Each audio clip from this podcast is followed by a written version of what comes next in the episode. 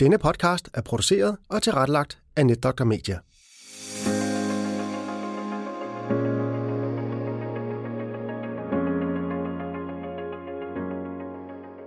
Er du i risiko for at få helvedesild?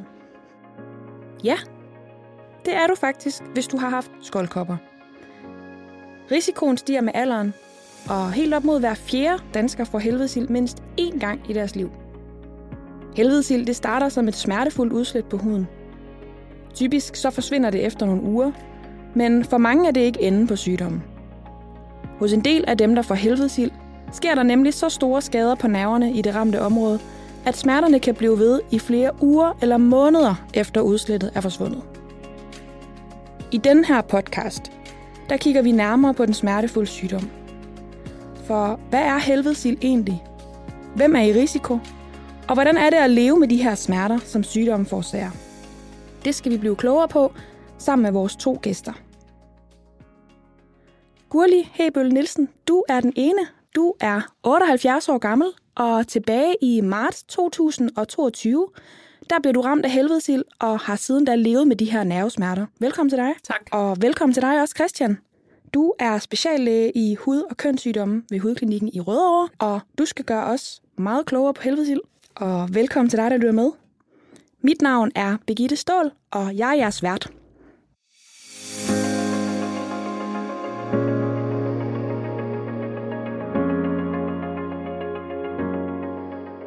Gurli, du fik jo helvedesild her tidligere på året. Ja. Vil du ikke kort prøve at sætte nogle ord på det her forløb, som du har været igennem? Det startede i starten af marts måned, og det er faktisk ikke overstået endnu. Så det har været et meget langt forløb, og i perioder har det været meget smertefuldt. Så det er den ultrakorte version af det. Ja. Og Christian, det her forløb, som Gurli hun beskriver, er det noget, som du kan genkende fra dit arbejde som hudlæge? Det må man sige, det er. Altså, man kan sige, efter helvedesilden er overstået, altså selve udslættet, som vi ser i huden, der er der en del patienter, der oplever, at de har smerter i meget lang tid bagefter. Der kan være patienter, der har smerter i, i overvis faktisk. Nu skal jeg ikke tage mod fra Gurli, når hun sidder herovre for mig, men, men, men, men, men smerterne kan altså blive ved i lang tid. Og risikoen for, at smerterne bliver ved, det, det, det stiger væsentligt med alderen. Så hos en forholdsvis ung mand som mig på 50 år, der vil smerterne nok ofte gå over, mens øh, man, man, man hos en i Gurlis alder altså ofte kan se, at smerterne bliver ved i lang tid. Vi ved omkring 15 procent øh, i Gurlis alder har smerter efter et år. Og Christian, vil du ikke også prøve at forklare, hvordan er det i det hele taget, at helvedesild det opstår? Jeg har altid været ret fascineret af, af, af den her virus, der giver øh, helvedesild. Det er jo egentlig skoldkopper, som vi får, når vi er små. Næsten 100 procent har skoldkopper. Og så ligger skoldkopvirusen sig til at sove i kroppen. Man kan sige, det er vores lille sovende bjørn, vi har inde i os. Og så på et eller andet tidspunkt, der vågner den op. Den risiko for, at virusen vågner op, stiger væsentligt, efter man er blevet 50 år. Så jeg, som sagt, er 50 år, jeg er så begyndt at komme i risiko nu her. Men som efterhånden, som man bliver ældre og ældre, stiger risikoen mere og mere.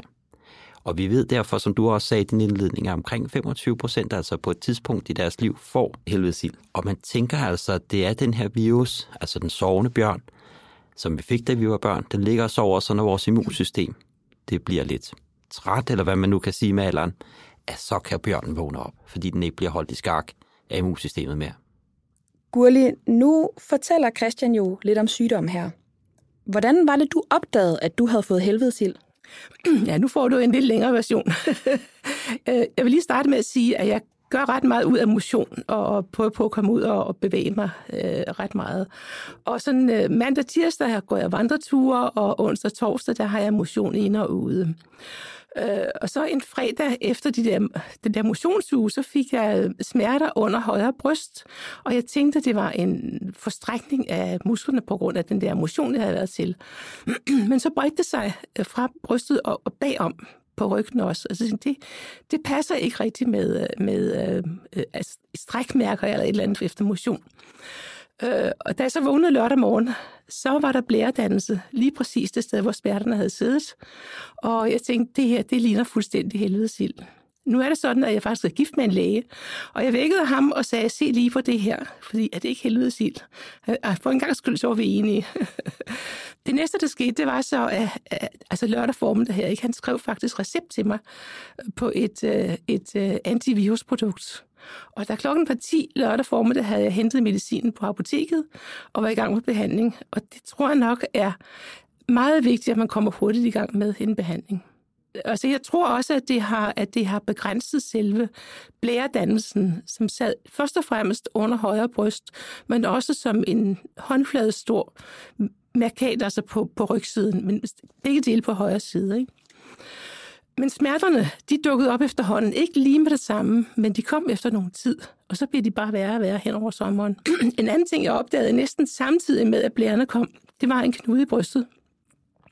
Og det bekymrede mig lidt, men jeg tænkte, hvorfor kommer den nu? Fordi den var ret stor, og der havde ikke været nogen knude før.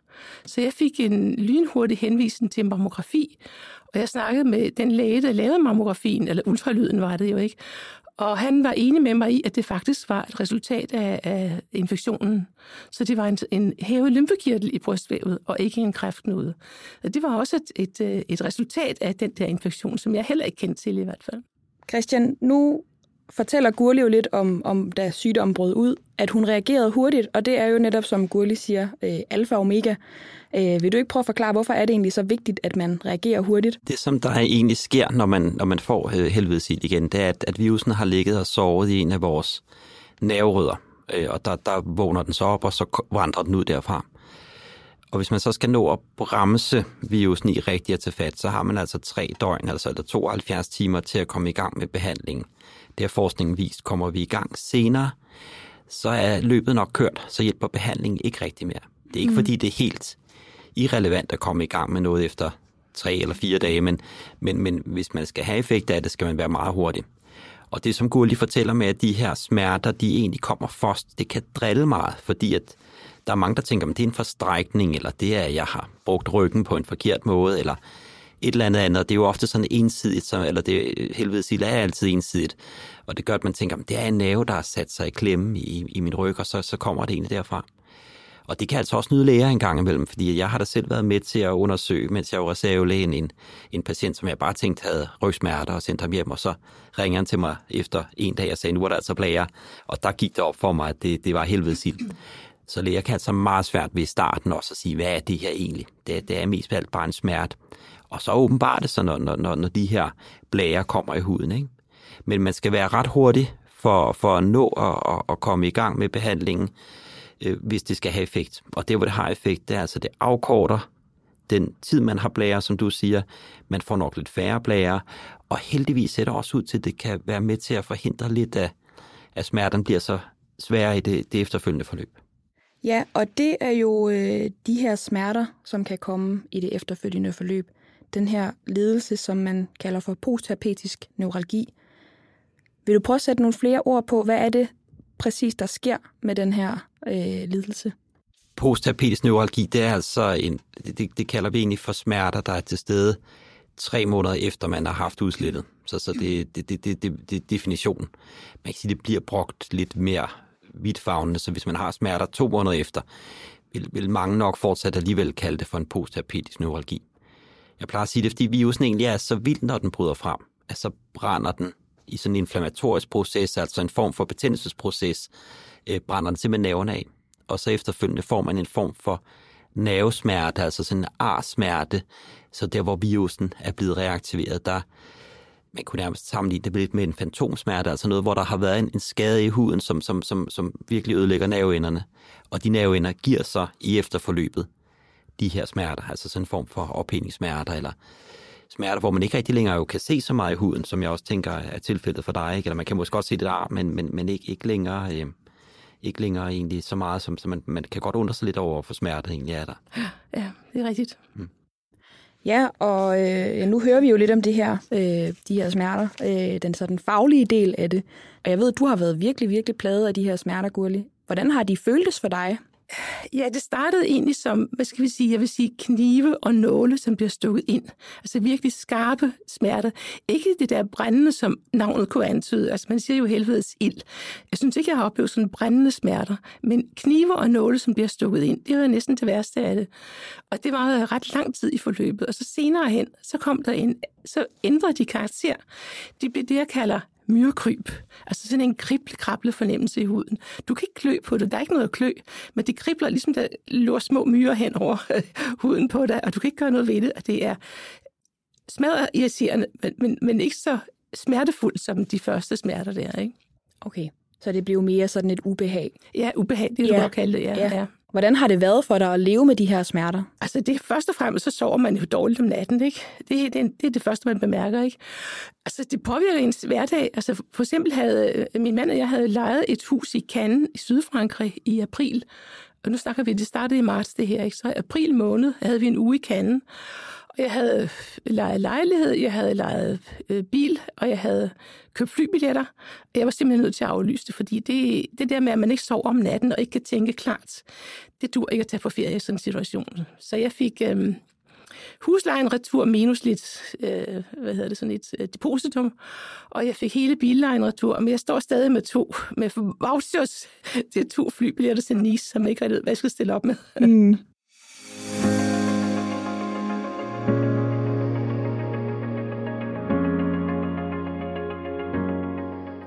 Christian, nu her, hvor du hører Gurlis historie med de her nervesmerter, det lyder jo meget invaliderende, og det lyder meget, meget smertefuldt.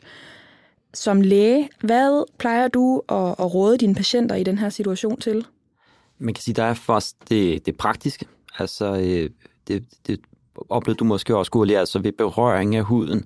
Ja. Der, der får man sådan noget, der hedder allodyni, altså hvor huden bliver super sensitiv. Ja. Så, så sådan noget tæt tøj og, og noget, der rører huden ofte og sådan noget, det bliver meget ubehageligt. Så man skal egentlig gå i så løst tøj som muligt, så der er ikke noget, der, der, der, der presser. Og så sådan socialt, altså det er, jo, det er jo vanskeligt at tage på en ferierejse, hvis man ikke har sovet, det får man ikke noget ud af. Eller som et råd faktisk, man skal holde fast i alt det sociale, man kan. Øh, at man ikke sætter sig ind og isolerer sig for meget, fordi så, så, så, så, så kan smerten ligesom tage endnu mere fat i en, fordi den kommer til at fylde så utrolig meget i ens liv. Og så, øh, så er det behandling. Øh, altså, vi, vi, jeg, jeg bruger også noget af det der, med, det der nerve, eller det der epilepsimedicin, der hedder gabapentin, ja, eller, eller et ja. lignende produkt. Så kan man faktisk godt, godt, også godt forsøge med, med lokalt bedøvende cremer. Der er også noget plaster, der er lokalbedøvende. Øhm, og endelig, endelig så kan vi som hudlæger også finde på at bruge chilicreme, altså noget, hvor, hvor det ligesom øh, prøver at ændre nerveenderne lidt. Så vi, vi har nogle forskellige lokale øh, produkter, vi kan, vi kan forsøge med det er lidt vækstende, hvor, hvor godt de, de hjælper. Og man kan sige, at det, der ofte er problemet med de der lo- lokalbedøvende cremer, det er, at de hjælper ikke så lang tid. Øh, der, der kan plasterne selvfølgelig være gode.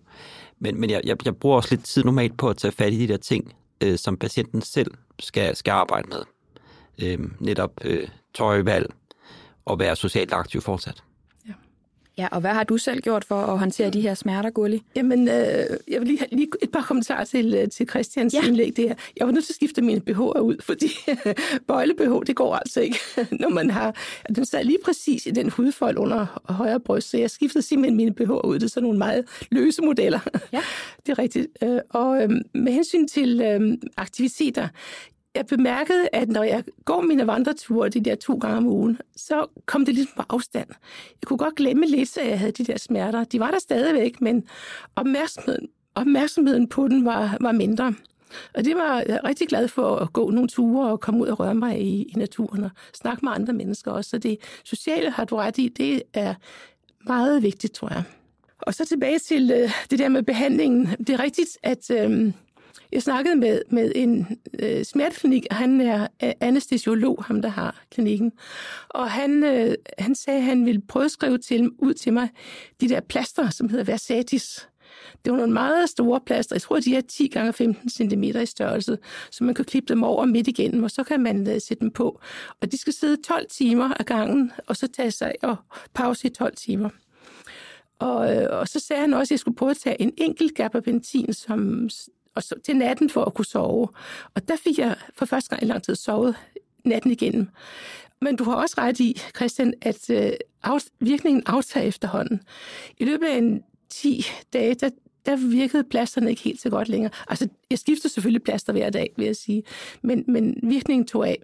Men gabapentin, det droppede jeg, så jeg havde ikke spor lyst til. Du, kan ikke, du må ikke køre bil, når du tager det, i hvert fald i starten, ikke? Og du bliver svimmel, ikke? Og jeg tog den på hovedet ned fra en trappestige, fordi jeg havde taget noget gabapentin, ikke? Og det var ikke så godt.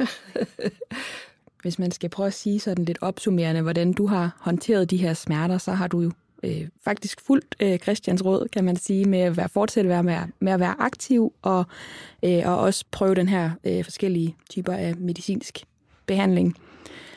Christian, hvad kan der ske, hvis man ikke kommer i behandling? Det, der sker, hvis man ikke kommer i behandling, det er, at, at man øger risikoen for, at man, man får langvarige smerter. Øhm, og, og, og selve symptomerne, altså den her, kan man sige, det akutte helvedesild, vil, vil, vil, vil også vare længere, end, end hvis man kommer i behandling. Men sygdommen bliver ikke i sig selv sådan farlig. Det er ikke fordi, at den til sidst spreder sig over hele kroppen. Den, den, den affinder sig med, at den sidder i et nerveområde, og det det nerveområde, den rammer. Den, den går ikke lige pludselig alle mulige andre steder hen. Eller det er i hvert fald meget, meget sjældent, vi ser det.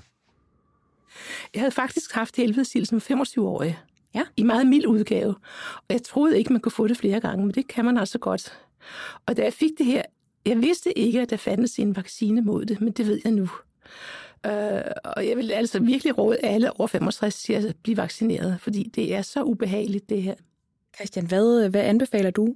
Jeg øh, er på helt på linje med, med Gurli. Altså, jeg, jeg anbefaler også, at, at man vaccinerer i dag. Men det er bedst at få det, før man får helvedesild. Jo. Øh, fordi at, at, at det er jo lige at komme igennem det, og det, og det er ikke så ofte, man har det to gange.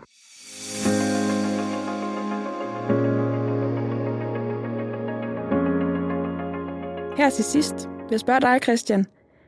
Igen, hvad er det for nogle symptomer, som man skal være særligt opmærksom på, og hvad er det nu, man skal gøre, hvis man er bange for, at man er ved at udvikle helvedesild? Gulli har jo faktisk sagt det rigtig glimrende. Altså man, man, man skal være opmærksom på en smerte, man ikke har lagt mærke til i en side af kroppen.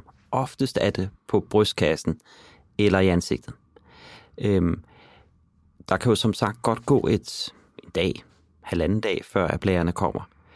Og hvis man ser blærerne, så skal man kontakte sin egen læge med henblik på, at man skal i gang med den her behandling, der hæmmer virusen.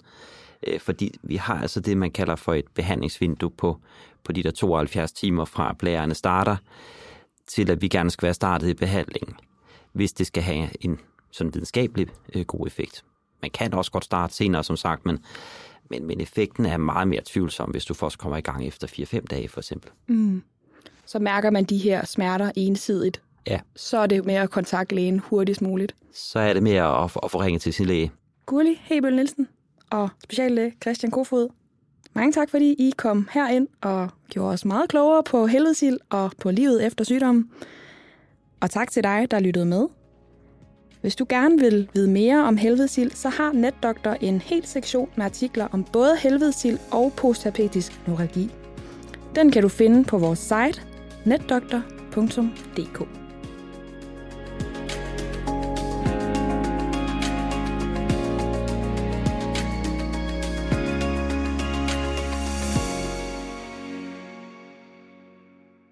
Denne podcast er produceret og tilrettelagt af NetDoktor Media.